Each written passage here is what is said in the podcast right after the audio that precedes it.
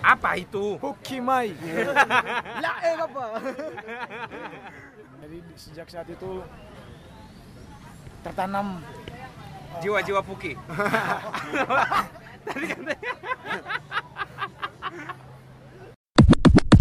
Oke, Fox. Uh, selamat datang di episode spesial banget di Yasha Moment. Jadi hari ini gue ditemani siapa nih? We go by the name Muka Raka. Wis. Ini uh, mumpung lagi ke Bali, terus gue gue kembali lagi ngomong ke kalian semua bahwa podcast di sini tuh bukan buat pamer-pamer. Podcast di situ tempat kita bersilaturahmi ketemu teman-teman lama. Ini tools kita buat ngobrol dan didokumentasikan. Nah, sedikit latar belakang, latar belakang kenapa tiba-tiba gue sama muka rakat nih. Jadi suatu hari gue ngelihat Instagram mereka, terus ngelihat potensi yang kayak ini bisa jadi face of the East Indonesia. Iya kan? Bener kan? Bener kan? Amin. Terus terus DM DMan segala macam sama Kanovi manajernya terus akhirnya kita ketemu dan uh, ya men- mencoba untuk mulai kerja bareng gitu dan oh ya ketemu uh, taunya pertama kali dari lagunya Indonesia versus Everybody gara-gara suaranya Kalipus kayak "Uh, wah ini siapa nih siapa nih gitu. Langsung dicari. Nah hari ini kita nguliknya bo, bo. Oh iya boleh. Ya. say hi say hello say hello. Halo. Taruh aja mbak, thank you ya.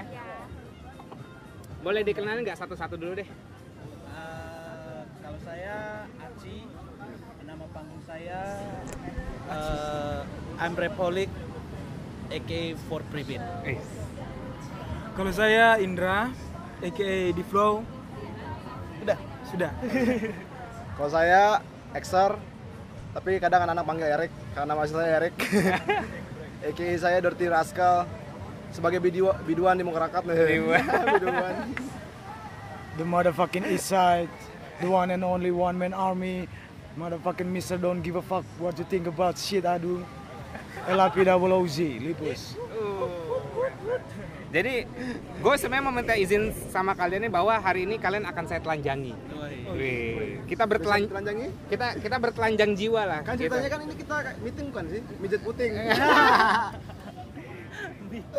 kita mau bertelanjang jiwa di sini karena eh, kalau dilihat hip hop bajunya keren-keren tapi kita nggak tahu hatinya gimana iya kan dan gue yang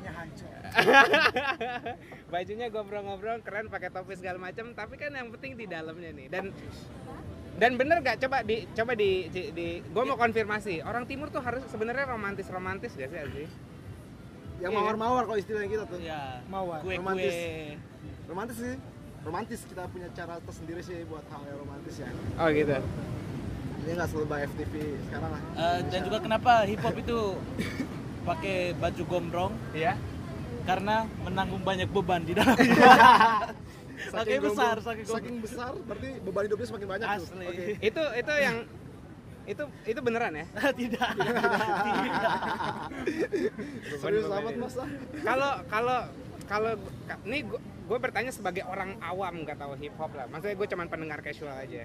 Eh, yang gue lihat nih kalau di TV TV kan yang hip hop yang di Amerika kan memang kayak glamor gitu kan. Terus cewek sana sini gitu kan. Eh, mafia gangster segala macam kalau di sini tuh aslinya gi- gitu juga gak sih? Indonesia enggak deh.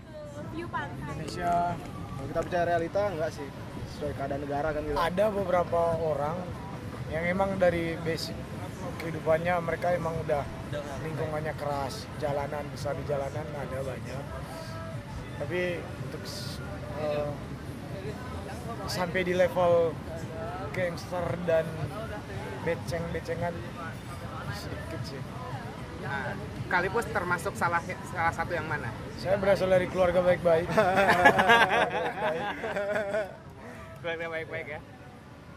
Kalau kalau yang lain gimana? Ada gak yang di di di di sisi yang karena kalau di sana kan kayak hip hop tuh karena dia kayak pressure oleh society lah atau keluar dari penjara segala macam dia mengekspresikannya di situ. Nah kalau kalian-kalian di sini tuh berasal dari mana sih nge ngeluarin nge, nge, nge- apa Lebih ya bikin lagu gitu? pressure kita tuh lebih lebih ke eh, kita sebagai orang Indonesia Timur yang secara ekonomi pembangunan dan semuanya itu tidak diperhatikan selama puluhan tahun ya kan? Uh, kita harus beradaptasi dengan kehidupan di Indonesia Barat saat kita merantau. Semua media dan televisi itu membahas tentang Indonesia Barat ya kan? Jadi nah, sebelum Mukarakat mungkin saya cerita jauh sebelumnya saya udah bikin lagu-lagu yang lagu pertama hip hop di Indonesia yang menyebut kata makian Indonesia Timur. Apa itu? Hukimai. Lah eh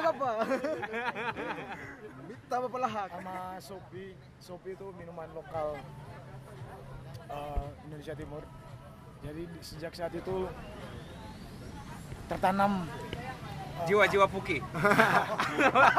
Tadi katanya.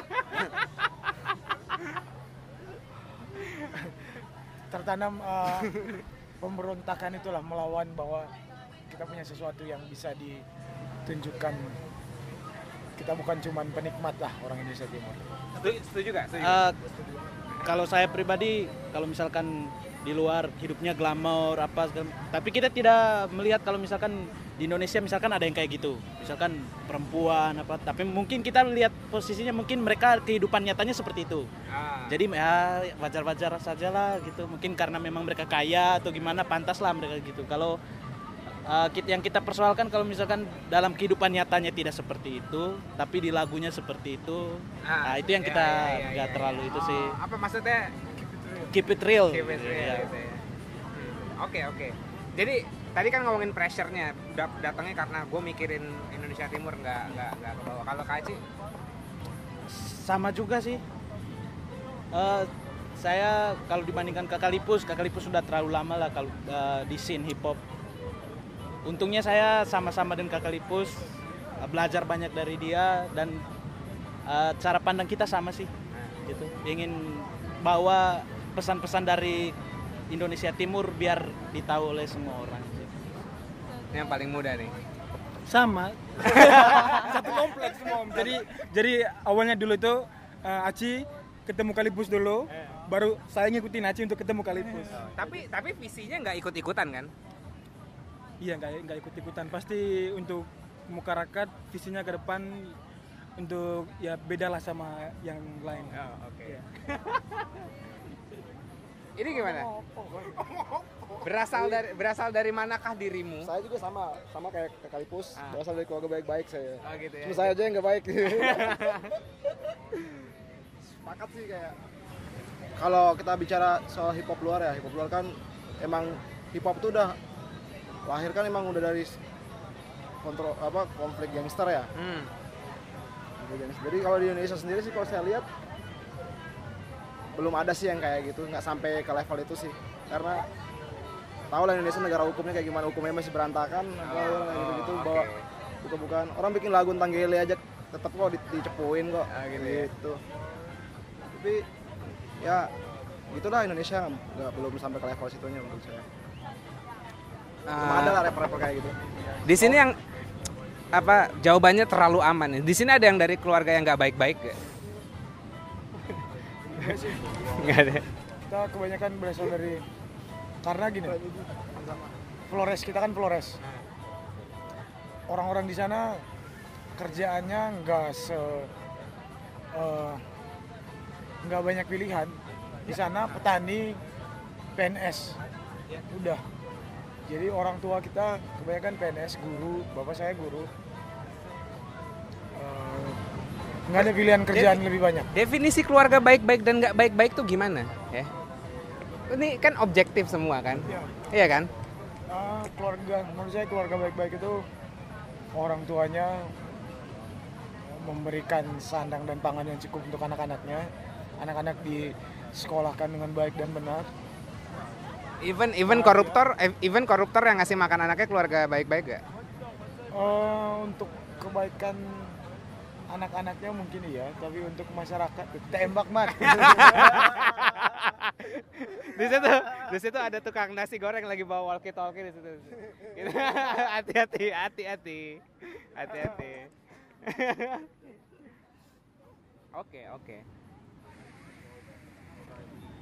Terus yang paling paling paling lama di Bali siapa kalau paling lama eh, saya dari tahun 2000 kenapa Bali kenapa nggak Jakarta Jadi gini, awalnya tuh kan saya ke Bali tuh kan mau lanjutin pendidikan ya, kuliah Oh, oke. ke sana. Kebetulan kakak saya kan dia sempat di Bali juga loh ikutin kuliah. Jadi saya disuruh mending ikut aja ke Bali gitu. Kuliah aja di Bali. Cara kalau di Bali kan kita saya pengen nyari tempat yang bener-bener jauh dari lingkungan. Bukan menjauh sih cuma pengen lepas dari titik nyaman saya dengan teman-teman rakat gitu-gitu kan. Karena kalau di kalau di Indonesia Timur tuh kayak kita sebagai rakat ini di mana pun itu kalau kita ke sana pasti satu saling berkumpul dan tetap aja kita nggak bisa keluar dari titik nyaman itu paling udah kumpul minum mabuk gitu mabuk bawaan itu gitu yang sisi negatifnya lah gitu Ah. saya pengen jauh lepas dari situ akhirnya Ternyata di Bali lebih baik. saya di Bali saya mabukin mereka Gitu. kayaknya kuliah 2010 sampai semester 5 di de- di drop out Nah, ambil apa dulu jurusan? dulu teknik informatika komputer siangnya ngambil komputer malamnya hukum dihukumin Terus aw- Terus yang yang yang paling junior bukan junior sih, yang paling masuk belakangan ke Bali siapa? Saya. Dalam rangka apa ke Bali nih? Jadi saya dulu awalnya itu kuliah di Surabaya. Selesai kuliah di Surabaya, niatnya ke Bali itu lanjut S2. Pinter-pinter ya. Saya kira ini orang kampung yang cuman meng apa menjajal nasib ya, mengadu nasib ke sini tapi rupanya sarjana-sarjana. saya dengar orang kampung ya pak Iya. Jakarta udah kampung ya Aduh. Berapa tahun lagi kita jadi kita juga jadi sama orang kampung ya. Jakarta dari Surabaya. Oke oke. Ini ini yang S2-nya. S2-nya mau ngambil apa waktu itu? Waktu itu rencananya eh, kan S1-nya itu saya lulusan ilmu politik. Rencana ng- ngambil S2 itu eh, ambil administrasi negara. Ini sebenarnya cocok nih duduk di bangku hijau itu. Terus eh, lagi dalam proses untuk pendaftaran S2, suruhlah masuk WA dari Gakalipus. Oh kamu di sini ya? Oh iya gitu gitu. Sudah karena mungkin eh, mu- bukan berarti Gakalipus yang untuk bilang iya bukan. Tapi karena memang eh, selama ini eh, kalau saya pribadi merasa orang tua dari timur itu memaksa terlalu memaksakan. Ah ini nih nih nih nih nih nih nih ini seru nih seru. nih. terlalu menyeragamkan Gimana gimana? Terlalu- Tipikal orang tua dari timur. Aku suka ngomongin masalah hubungan relationship anak sama orang tua. Ya. Aku suka. Uh, kalau saya uh, apa dulu kan pengennya pengennya itu kuliah uh, yang berbau berbau dengan musik lah gitu paling enggak dulu waktu ada di di waktu di Surabaya saya pengen masuk di digital music university itu dia belajar tentang mixing mastering gitu tapi tidak diizinkan. Karena uh, ya orang tua merasa oh itu bukan hal yang bisa menjamin buat masa depan kamu. Gitu. Jadi mereka tetap memaksakan untuk tetap kuliah biar pulang nanti bisa jadi PNS gitu. Jadi jadi emang sebenarnya karena karena di sana apa ya? Pilihan pekerjaannya ya sedikit cuma ya. dua dan cuma dua petani kalau bukan petani PNS. PNS Kan aku aku nggak kebayang sih. Aku nggak kebayang sih. Tapi bukan berarti petani PNS itu susah kan?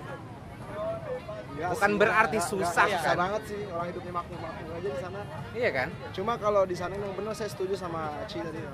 orang tua di sana selalu menyeragamkan kita cara berpikir sesuai pola pikir mereka kan ya, kamu harus kayak gini biar biar harus kayak gini biar bisa menjamin kehidupanmu kan. Jadi kalau di sana tuh kalau kamu bisa jadi polisi atau tentara itu sangat dihargain sekali dihormati sekali. Karena apalagi wah. Jadi kalau kalau misalkan saya pulang dengan bertato kadang-kadang sana pola pikir wah jadi apa kamu di sana? Cuma saya ya bagi saya nggak nyusahin orang saya dapat sesuatu dengan apa yang saya punya kan. Ya. Nah ini kita karena karena satu generasi. Coba dari komentar. Kalau menurut Kalipus kayak di sana tuh gimana sih? Kenapa kenapa bisa membuat akhirnya ya udahlah gue ke Bali aja. saya sebelum eh, ke Bali saya tamat SD udah dimasukin ke asrama sekolah pastoran untuk menjadi imam. Romo. Jadi bayangin, jadi Anak-anak rakat.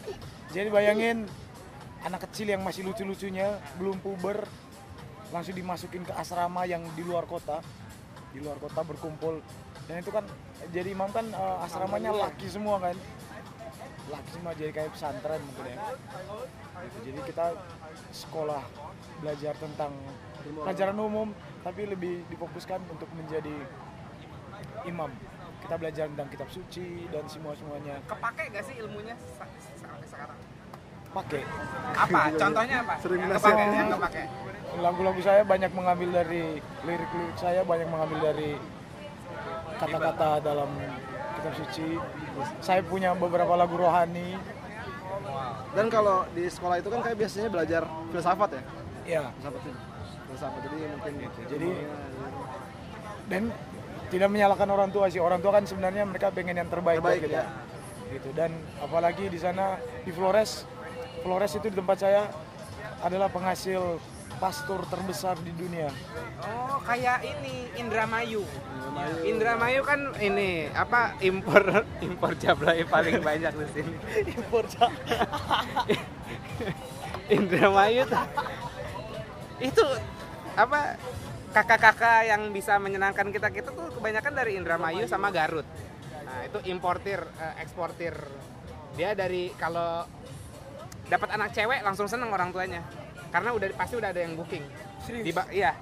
Udah ada yang booking maksudnya kayak umur 17 tahun nanti udah ada yang bandarnya datang Uh, orang tuanya dikasih duit misalnya 100 juta 200 juta anggapannya nanti utangnya anak yang bayar biar anaknya dibawa ke Jakarta disuruh kerja kayak gitu. Iya. Oh baru tahu kah? Oh nikmatin aja. Nggak tahu latar belakangnya ya? Nggak ngurus. Nggak- nggak mungkin lah kita diskusi dan interview. Kamu gimana? Dari mana? Bodoh amat. Biasanya mancing di mana, Pak? nah kayak gitu lah lanjut eh, jauh banget ya ke pastor kayak Indramayu Pastor ke neraka. Langsung ke neraka, men. dari surga langsung ke dalam. Dalam. Gitu lah jadi Dari kecil. Dari kecil udah sedikit mandiri. Terus eh, saya mengundurkan diri dari sekolah pastoran itu seminari namanya. Kenapa?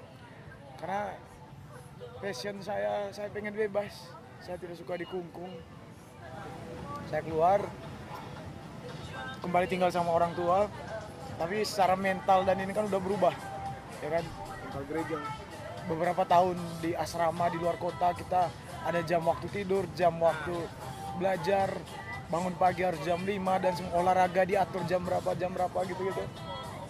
Coba dong kasih satu line aja eh, referensi lain yang dari Bible Eh, Tuhanlah gembalaku. Eh, aku terjamin selalu. Itu sih. Lagu Laksana Rusa. Aku punya lagu. Amin. Amin. Amin. amin. Terjadilah padaku menurut perkataanmu. Santai, guys. oh iya happy Sunday. Ke gereja gak pada tadi? Gitu jadi tinggal sama orang tua tamat SMA langsung ke Surabaya kuliah. Dan itu Surabaya banyak orang timur ya? Kenapa ya? Saya ke Surabaya harusnya ke Bandung. Ah, pas waktu itu kan masih zaman zaman naik kapal laut tuh. Ah. karena waktu itu tiket dari pesawat Surabaya ke Bandung naik kapal laut? Oh enggak dari Flores. Oh dari Flores. Flores ke Surabaya. Rencananya ke Bandung tuh. Dijemput sama senior senior gitu di pelabuhan. Terus kita tanyain Bandung masih jauh nggak? Wah masih jauh banget ini hampir 12 jam perjalanan bis gitu kan. Waduh di kapal laut di kapal laut kita aja udah mabuk kayak gitu ya kan? Males di sini aja deh. Surabaya kebetulan aku emang punya keluarga cuman juga. gara-gara udah capek capek perjalanan ya? Apalagi tempat saya kan eh, daerah pegunungan.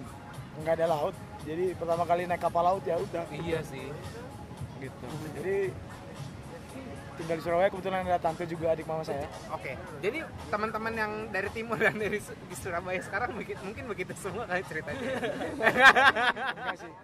Kebanyakan nah ini masih kembali ke kebiasaan orang-orang timur itu. Nah, adik-adiknya yang bakalan kuliah tuh ditentuin sama kakak-kakaknya.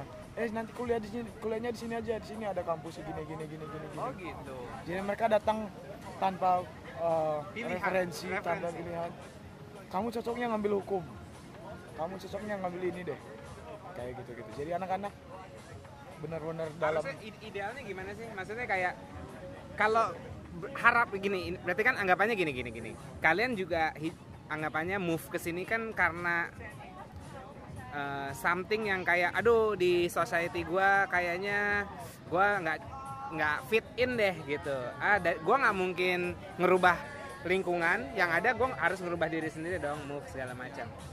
Akhirnya pada pindah-pindah pindah-pindah. Nah tadi kan juga kayak ngeliatin kayak masalah orang tua, masalah nentuin karir aja sampai kakak Emang idealnya kayak gimana sih harusnya di sana biar kalian betah lah anggapannya? jadi PNS Kembali lagi. karena pas ini bukan keluhan sih sebenarnya tapi karena kebiasaan aja sih kebiasaan dan itu udah kembali kayak berhubungan sama adat bahwa ketika kita uh, mendekati calon mertua gitu-gitu mereka kan pasti melihat kerjanya apa di sana kan ada istilah belis Apa itu? belis itu kayak Mahar, mahar. mahar jadi kalau kita melamar anak kawin ya? Ah, kita melamar anak ini ditentukan sekian juta berapa ekor ternak iya iya iya iya iya. Susah ya, mau nikah di ini susah ya? susah Ayo, saya saya nggak mau lebih lanjut. ya Kalau masalah Dan itu tadi udah diwanti-wanti ya. itu Iya. udah jadi adat sih jadi kalau kita ngomong ngeluh kayak gini jatuhnya kalau kita ngomongin masalah gini jatuhnya orang-orang ngomong kalian aja yang malas ngomong nyari duit kayak gitu udah kita nyari tempat lain aja dulu Gua- ini ini pertanyaan agak dalam nih. Ini ngomongin duit. Penting gak sih duit? Ah, ini coba. Duit penting gak sih? Penting sih, Hah? penting. Buat apa? Buat, eh, buat, buat lo bisa bi- buat buat apa? Maksudnya sepenting apakah? Penting apa ya? Memang penting sih maksudnya. eh kita buat apa-apa sekarang harus duit. Penting, ada uang, ada barang. Oh gitu ya. Cari musi. Tidak santai. Kalau menurut saya, kalau uang, uang itu penting kan buat hidup ya. Karena dia membantu perekonomian kita ya. Tapi uang tuh jangan dicintai men, cukup disayangin aja. Men. money Kalau money kamu cannot uang, kamu akan gila. sama money cannot buy happiness but money can buy wit Ya,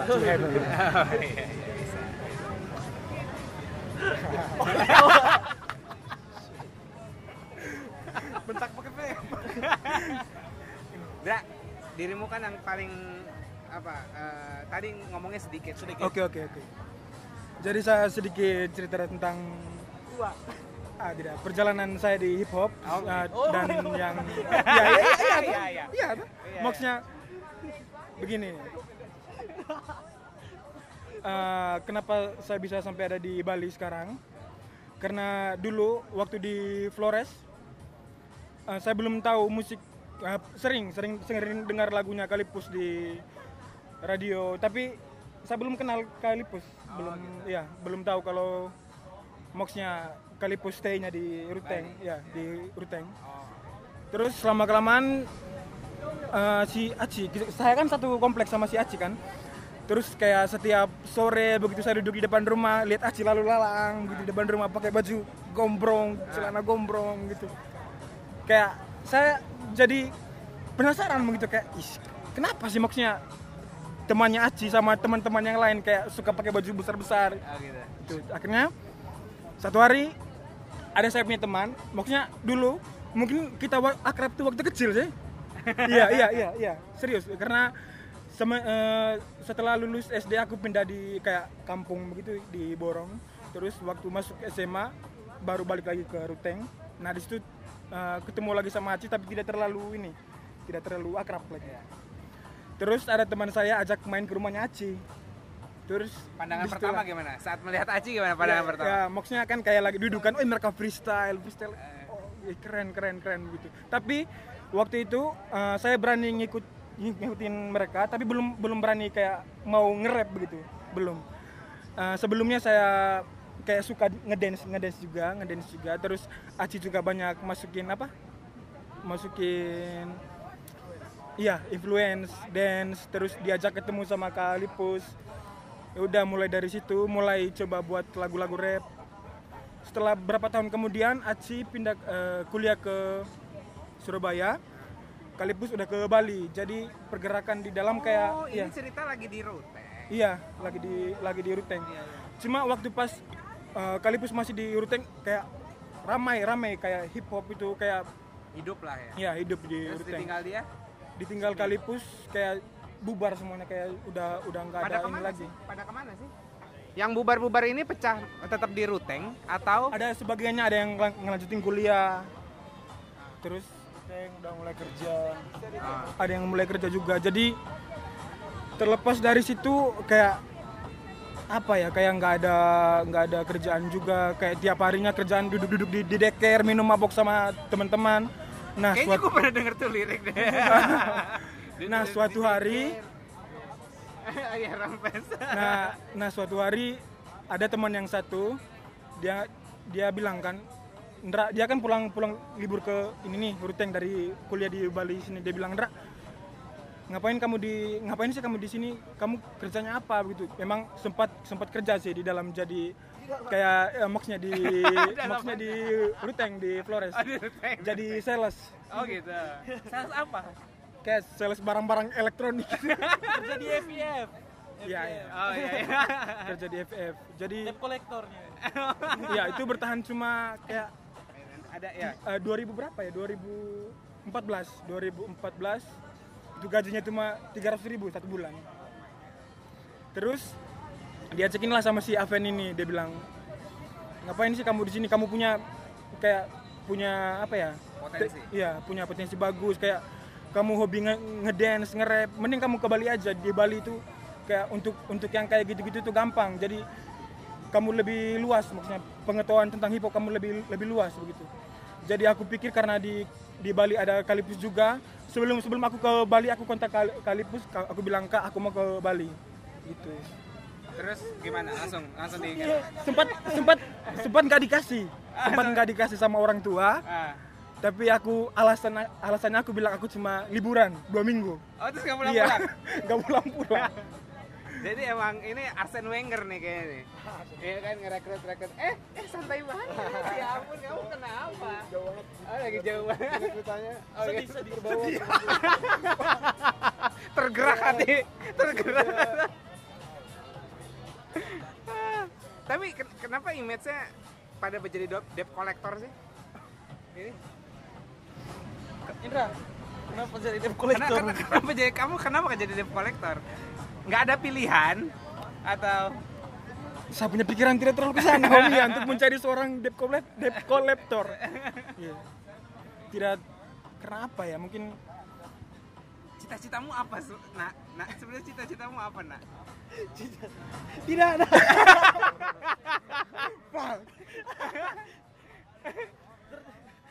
Kalau dia nih eh, seperti yang di Alkitab tuh terjadilah padaku menurut perkataanmu. Jadi apa saja yang ada di depan mata itu dia cita-cita. stoik itu stoik banget tuh present ya orangnya Dia benar-benar yang going where the wind blows. Ke mana pun angin membawa. oke eh, seru gak sih hidup kayak gitu seru. Seru ya?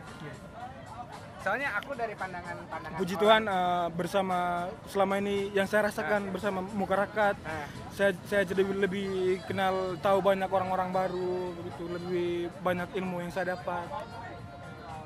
Jadi terima kasih buat kedua orang Aci sama Kalipus Ah. sudah. Tidak. Bang, tapi baik maksudnya eh, kenapa sih ngajakin anak-anak yang ini, ini diajak diajak ajakin emang apa yang kalibus kali apa yang kalibus lihat? Karena pertama mereka kalau ini kan emang udah lama nih mungkin ya, eksisnya bareng lah. Dia kebetulan pas mundur kamu sini aja. Takut tenggelam. sini aja kamu. Gimana gimana? Eh, karena aku pernah bekerja sebagai sebuah grup band lah di Surabaya gitu-gitu dan untuk membentuk satu grup itu jamrut jamrut bukan bukan kita waktu itu ini eh, miss you band kangen yes Tumben, tumben. Eh, untuk bikin satu grup itu benar-benar bukan pekerjaan yang gampang ya. Jadi benar-benar harus orang-orang yang udah punya satu visi, udah saling kenal sih itu intinya. Aku sama Indra sama Aci udah lebih dari hubungan eh, sebagai rapper ya kan. Benar-benar udah kayak adik kakak gitu kan. Mereka sering tidur di rumahku. Aku kalau lagi nggak ada kerjaan di rumah gitu, eh kalian di mana? Bawain ayam dong, dibawain ayam gitu. Maling tetangga gitu-gitu. apa Mabuk-mabuk freestyle. oh, gitu ya gitu jadi cakep. Arah jam 11 ku. oh, 11 jam 11 11 pantau pantau Terus deh. Jadi pas aku waktu itu udah yang udah yang males juga ngerjain sendiri kan musik sendiri. Aku dulu masih prinsip yang one man army. Semuanya aku lakuin sendiri. Aku nggak mau bergantung dengan siapa pun. Dan ada pernah sampai di titik jenuh. Apalagi aku punya environment baru di Bali, gitu. Beda kayak di Surabaya. Aku udah punya channel dan kenalan ke mana-mana kan. Di Bali eh, channel dikit banget.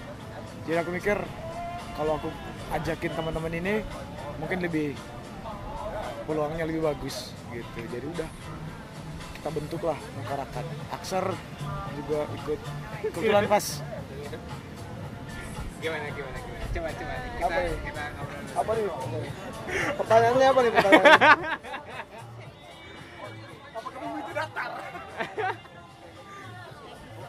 pertanyaannya what is happiness? Happiness apa itu? Kebahagiaan ya? Kebahagiaan itu kayak kita ngelakuin apa, kita ngelakuin hal apa yang kita su- suka dengan bebas, freedom ya? Freedom. oh ya ini sebelum terlalu dalam dan sunsetnya hilang sebenarnya yang lagi kalian kerjain tuh apa sih? Sekarang nih yang lagi kalian kerjain kan terakhir oke lah apa eh, responnya bagus lah di di online gitu. Terus ada ada ada yang dikerjain lagi gak sih? Apa cuman udah selesai begitu aja atau sebenarnya? Eh, tidak, kita baru saja menyelesaikan proses eh, take video klip untuk Lempagolo yang bakalan rilis mungkin minggu ini. Dan harus minggu ini karena sudah terlalu telat begitu lama. telat begitu lama emang telat ngejar apa aslinya Anak eh, kita tuh ke mana ya? Pokoknya kita da- mungkin karena eh, kita terlalu di, pada di tit- apa di titik nyaman terus. Jadi apa pun diselesaikan tunggu mood gitu. Gitu sih. Kita jeleknya sih di situ. Tapi kadang-kadang dari situ kita bisa eh, inspirasi baru Iya, jadi tidak terburu-buru untuk keluarkan sesuatu, tidak terburu-buru gitu. semua project itu fresh Iya, jadi semua project itu fresh gitu. Qua- quality atau quantity kalau dalam bikin Quality yang ditaruhin. Jepang koreksi juga. Iya. coba ceritain tentang Lempagolo siapa nih yang bisa ceritain Lempagolo Lempagolo Eh, karena masyarakat terus terang kita eh, pada dasarnya mau mengangkat membawa nama Indonesia Timur, Timur secara keseluruhan ya kan dan NTT pada khususnya jadi kita mencoba mengangkat budaya-budaya yang jarang orang-orang tahu. Eh, bukan jarang sih orang-orang pada nggak tahu. Jadi kita bikin logat lirik-lirik dengan logat eh, Indonesia Timur. Jadi Lempagolo ini itu istilah di salah satu permainan adat di tempat saya. Itu kayak cambuk-cambukan. Cambuk-cambukan ada cambuk gitu ada apa, tameng. Tameng. Jadi Lempagolo itu si petarung ini mereka punya slogan eh, Lempagolo berjalan dari bukit ke bukit gunung turun lembah lautan kali mereka lewati untuk nyari lawan untuk tarung tadi gitu jadi Artinya dengan kehidupan real life yang ingin kalian sampaikan message-nya itu apa? eh, kita membawanya ke dunia modern dengan apa yang terjadi sekarang kita lebih ke kita melewati lautan dan semuanya merantau ke sini untuk eh, menantang kehidupan di tempat perantauan sih.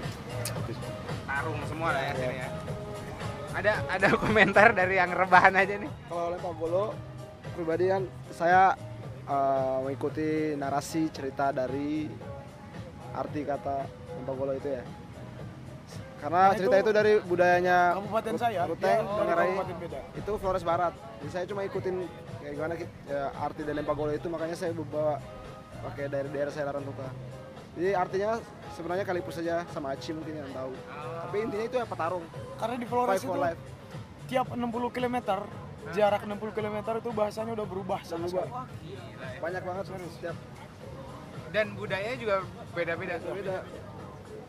bahasa bahasa dia Padahal masih satu pulau ya. satu pulau Kalau di kalau kalau di budayanya Kak Akser apa yang yang lempar golonya? lempar golo itu kayak apa ya kalau lempar golo itu petarung ya? Petarung tuh berarti kayak Di sana ada gak sih ritual-ritual? nggak ada sih. Kalau petarung nggak ada istilahnya sih kalau di orang kita. Maksudnya disama artikan loh dengan lempar Iya. golo itu istilahnya. Cuma ya gitu sama sih. Terlalu jauh. Kok terlalu jauh dari Mike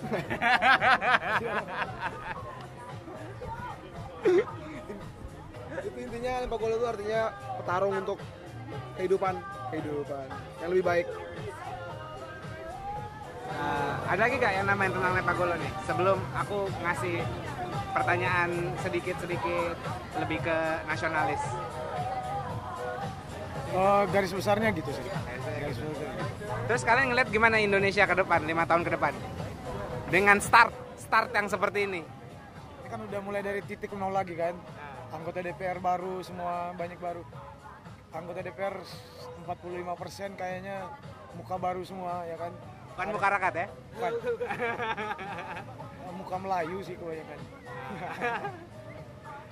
Dan dimulai dengan viralnya tidur salah satu anggota itu. Mulan Jamila ada di parlemen. What the fuck aku nggak tahu. Tapi untungnya entah ini baik atau enggak kebanyakan yang ada di anggota eh, ada di kursi parlemen itu adalah orang-orang yang berhubungan pendukung-pendukung petahana Jokowi kan. Jadi mudah-mudahan eh, keputusan-keputusan positif Jokowi tidak mendapat perlawanan berarti dari parlemen karena banyak orang-orang di sana cuman kalau Yakin yang bikin keputusan emang Jokowi. Kok jadi politik ini? ya makanya aku bilang eh, kalau keputusan keputusannya politik positif ya kan bagus untuk pembangunan Indonesia Timur khususnya mungkin bisa lebih dapat persetujuan lebih gampang lah dari tapi tapi zamannya Pak Pres campaign Indonesia Timur bikin jalan di Papua apa segala macam. Sebenarnya berasa gak sih sama kalian? Kalian berasa gak sih manfaatnya? eh dimakan dimakan kita Iya iya iya. Lima- mancis langsung. kita lima tahun terakhir nggak ada di sana sih Oh iya benar. kita udah di sini Tapi dari berita-beritanya sih memang berita-berita. Tapi ada cerita yang dari sana gimana? Orang ya memang kita rasa. Berasa? Ya, apalagi kalau misalkan di tempat saya di Labuan Bajo sekarang udah jadi destinasi internasional dan jadi destinasi yang diprioritaskan gitu. Jadi ya kita merasakan betul-betul sih di sana. Pembangunan walaupun uh, sumber daya manusia di sana terpaksa harus digenjot, digenjot gitu kan. Tapi nggak apa-apa lah buat uh, masyarakat di sana belajar gimana. Karena kalau tidak begitu akan susah majunya sih. anak muda peduli politik gak sih? Dirimu kan paling muda nih. Peduli. Saya kurang kurang terlalu mengikuti politik kan. Iya ya. Iya, iya. Jadi yang betul-betul di masyarakat yang paling ini sekali dengan politik. Ya. Iya. Saya kadang-kadang kalau mereka kalau kumpul begitu ngomong-ngomongin politik, tapi saya lebih banyak dapat tahu dari Oh. Aceh sama Kalipus sama Akser juga. Sebagai Akser politik juga, tapi lebih banyak Iya. protes. eh yang udah berkeluarga dia doang ya? Dia Geramar, DJ kita. Oh, iya, iya. DJ Geramar. sama Aci antara ini Eh gimana jadi bapak muda gimana sih? Coba dong, coba dong. Jadi bapak muda tuh gimana? Eh udah punya anak belum sih? udah anak saya gituan satu tahun lima bulan.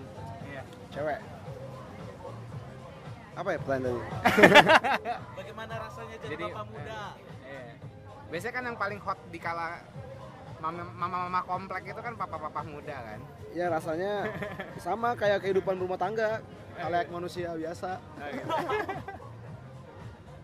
ya seperti itu masih diberi eh, kesempatan buat berkarya lah sama istri gitu nggak terlalu maksain untuk berhenti gitu nggak selagi dia masih support ya saya kerjain gitu A- apa apa arti fans buat kalian? Oh, saya dari sejak awal masuk kiprah di hip hop, saya nggak pernah menganggap orang-orang menyukai lagu saya itu fans. Ah, oke. Saya meng- lebih menganggap mereka sebagai saudara, eh saudara, teman, gitu-gitu sih. Karena nggak tahu ya, karena kita dari kecil emang dari Indonesia Timur tidak dilatih dengan kepercayaan diri yang tinggi. Iya benar. Jadi kita menganggap orang yang menyukai lagu kita, wah Bukan berarti nggak percaya diri. Kita humble. serius. Humble itu mungkin berasal dari situ sih, tidak percaya diri itu. Aku aja naik lift pertama kali pas di Surabaya, belum pernah ngerasain, uh, bener-bener kayak masuk surga loh dari kita yang, Gitu ya. iya, Kali baterai aman. Oke. gitu. Jadi Jadi kalau misalkan fans itu kayak membuat jarak yang terlalu jauh Iya. gitu. Nah, no fans no artist man we are family man brotherhood Dan kadang-kadang kalau misalkan kita perform di luar gitu, Iya ada cerita-cerita lucu gak saat perform sama fans? Coba Ada. dong ceritain dong. Kali aja fans yang fans yang ini kan yang nonton juga juga ngeliat gitu. Ada yang mau ceritain nggak tentang pengalaman sama fans? Ah, ini ah, terjadi waktu di Jakarta. Jadi kita kan tidak terbiasa dengan yang begitu-begitu dan kita memang lebih suka kalau setelah perform udah siapa yang mau datang foto atau kita duduk ngobrol bareng-bareng gitu tiba-tiba dikasih gap yang boleh foto sama muka rakat hanya segelintir orang ya setelah itu selesai wow kita langsung perasaan uh Iya. nggak enak gitu posisi kita uh, pencitraannya itu bukan seperti itu dan Ah. kita bukan seperti itu Kadang-kadang kita yang keluar Ya, ini terpaksa kita harus mereka. ngelip keluar gitu padahal keluar, udah di ayo ayo ayo Ah, gitu ya. Iya. Padahal- Kenapa, kenapa kalian begitu? ya memang kita seperti itu. Iya. kita diri kita seperti itu. Tidak benar-benar tidak ada yang dibuat lah. Jadi kita mau memang muka rakat ini ya jati diri kita benar-benar. Makanya banyak yang bilang ayo dong muka rakat angkat isu sosial apa begitu. Kita pengen tapi dari kita sendiri kita udah bu- pernah buat seperti itu nggak? Gitu. Jadi misalkan ayo dong angkat tema tentang ini. Tapi kalau misalkan muka rakat belum terjun soal misalkan ah, gitu. Jadi setiap ah, banyak tema-tema yang orang sarankan kalian nih nggak bosan hip hop apa bahas hip hop bahas bahas hip hop bahas hip hop ya karena memang kita belum terjun sampai di situ makanya kita tidak berani takut Nggak mau sotoy lah ya. iya tidak mau sotoy. Gitu. Ada cerita yang kayak wah ini fans bukan fans apa teman ya yang kalian kayak wah ini ini eh, teman teman loyal banget nih gitu. Ada ada cerita gak antara connection kalian sama teman-teman rakat yang lain? ada sih, eh, sampai ada kan kalau istilah rakat kan itu khusus untuk orang-orang kita. Khusus orang-orang Ya, timur. cuman banyak teman-teman yang ngirim DM gitu ada yang nanyain bang gimana sih biar uh, gimana sih caranya biar bisa jadi rakat gitu gitu kan yang aku mikir wah Oh, jadi rakat tuh kayak niganya gitu. Oh.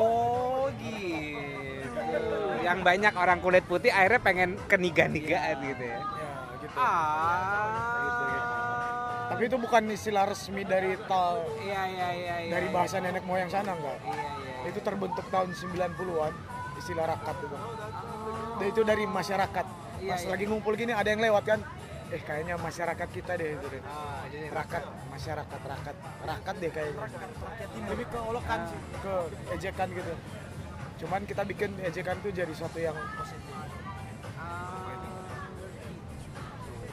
Terus terus yang ini cerita-cerita yang akhirnya ketemu.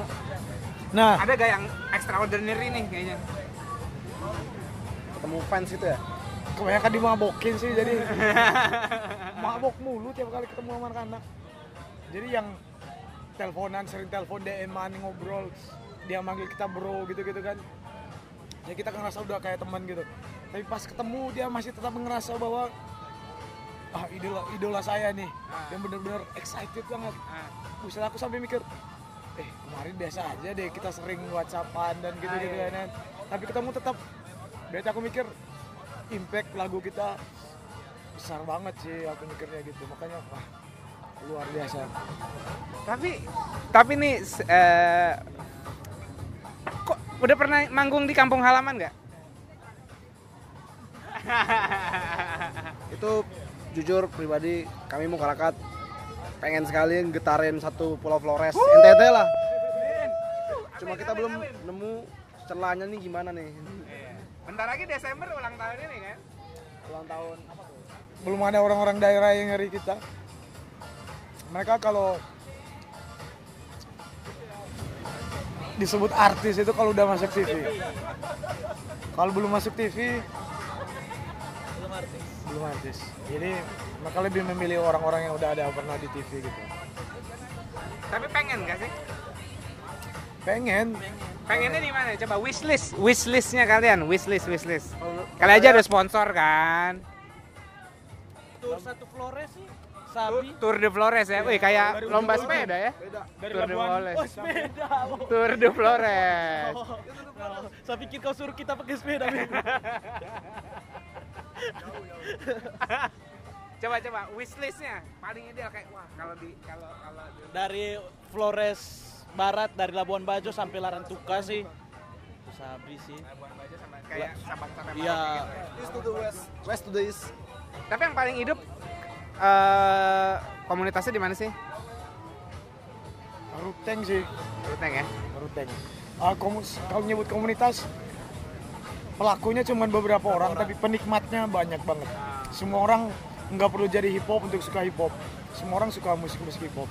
Karena orang-orang di sana kan suka berkumpul dan berjoget bersama-sama. Dan lagunya ngebit ngebit kayak hip hop gitu. Lihat aja lagu-lagu kayak eh, putar ke kiri Ya, ya. orang-orang suka yang gitu-gitu. Ah. gitu. Kalian mau kalian mau mention nggak salah satu orang yang ada andil dalam eh, karir kalian sebagai hip- eh, apa pelaku hip hop atau mukarakat? Shoot out shoot out Oh, kayak Saya coba satu sih. Dongga Doni. Shout out buat Doni karena eh, dia maksudnya salah satu yang bisa buat kita kumpul Doni sih. ibaratnya dia Doni ini ex mukarakat dia tuh ibarat apa ya bahan bakarnya mukarakat tuh penggerak bukan penggerak sih Dia tuh waktu dia masih di Bali, dia tinggal di Tabanan, kerja di Canggu, mainnya di Denpasar. gila sih. Dan itu dia tiap hari dia lakukan Iya, iya, iya. untuk biar muka rakyat tetap dia yang semangat. Jadi kita justru kalau misalkan kita udah pernah mas, eh ke- kamu lihat Doni tuh dia udah sampai segini sampai udah jauh-jauh. Dongga what's up? dia sih. Dirimu ada? Tidak peduli. Sama-sama sama. Sama ya? dongga dongga Terus kenapa? ken- Emang kenapa sih? Eh, ini apa kesibukan? Ada kesibukan makanya nggak bisa bareng lagi. dia kredit macet jadi ditarik sama dealernya ditarik pulang kampung Karena itu tadi antara petani atau PNS. Gitu. Sampai ditarik. Wow. Oke oke. Ada ada ada ada pesan nggak buat apa yang ada, ada message yang peng- pengen kalian spread gak di sini? Ini terakhir. Eh, apa ya saya keseringan berpikir dan berkata-kata sampai lupa mengirimkan pesan ke orang-orang Ah, gini aja sih apa sih Eh, percayalah dengan diri sendirilah bahwa framing-framing yang ada di media itu bahwa cakep itu harus berkulit putih semua iklan-iklan itu harus memutihkan kulit rambut keriting dibilang kusam itu adalah bentuk rasis dalam media yang harus dihentikan sekarang juga. Iya serius itu bertahun-tahun kita dicuci otak makanya nona-nona rakat yang keriting-keriting dari kampung tuh Jadi nggak pede. lurus semua rambut Iya, padahal Padahal padahal di luar negeri rambut begitu. Padahal begitu, Wow, iya. Keren sekali. makanya itu bukan pesan sih itu kritikan. Yes, yes. Saudara bono nona baion nong rambut tuh. Baion. Message, ya? message. Coba spread your value. Intinya buat semua penggiat musik apa pun yang kalian lakukan terus berkarya dan bebas itu aja. Freedom. Freedom. Kalau saya untuk saya punya rakat-rakat yang ada di luar sana terus berkarya, maju terus. Jangan jangan, jangan pernah minder tentang kita kita punya keadaan yang sekarang ini. Sedih. Pukul nyali anak kota dorang sampai down. Mantap. Kalau hampir sama sih, yang penting percaya diri, loyalitas, terus eh, apa? Masif terus pergerakannya, jangan takut kalau misalkan nanti tidak ada yang dengar. Mending eh, satu orang yang benar-benar dengar daripada semua orang hanya untuk ikut-ikutan. Itu. Alright. Guys, thank you Ya. waktunya Terima kasih dan sukses buat Lempagolo, Lempagolo. Kapan, kapan, kapan? Coba seminggu lagi lah ya. Minggu ini. Amin minggu ini. Ya, Minggu ini. tungguin, tungguin. Pantengin saja channel YouTube 16 Bar Indonesia. 16 bar Indonesia shoot out. Ini sesuatu yang baru buat kalian. Peace.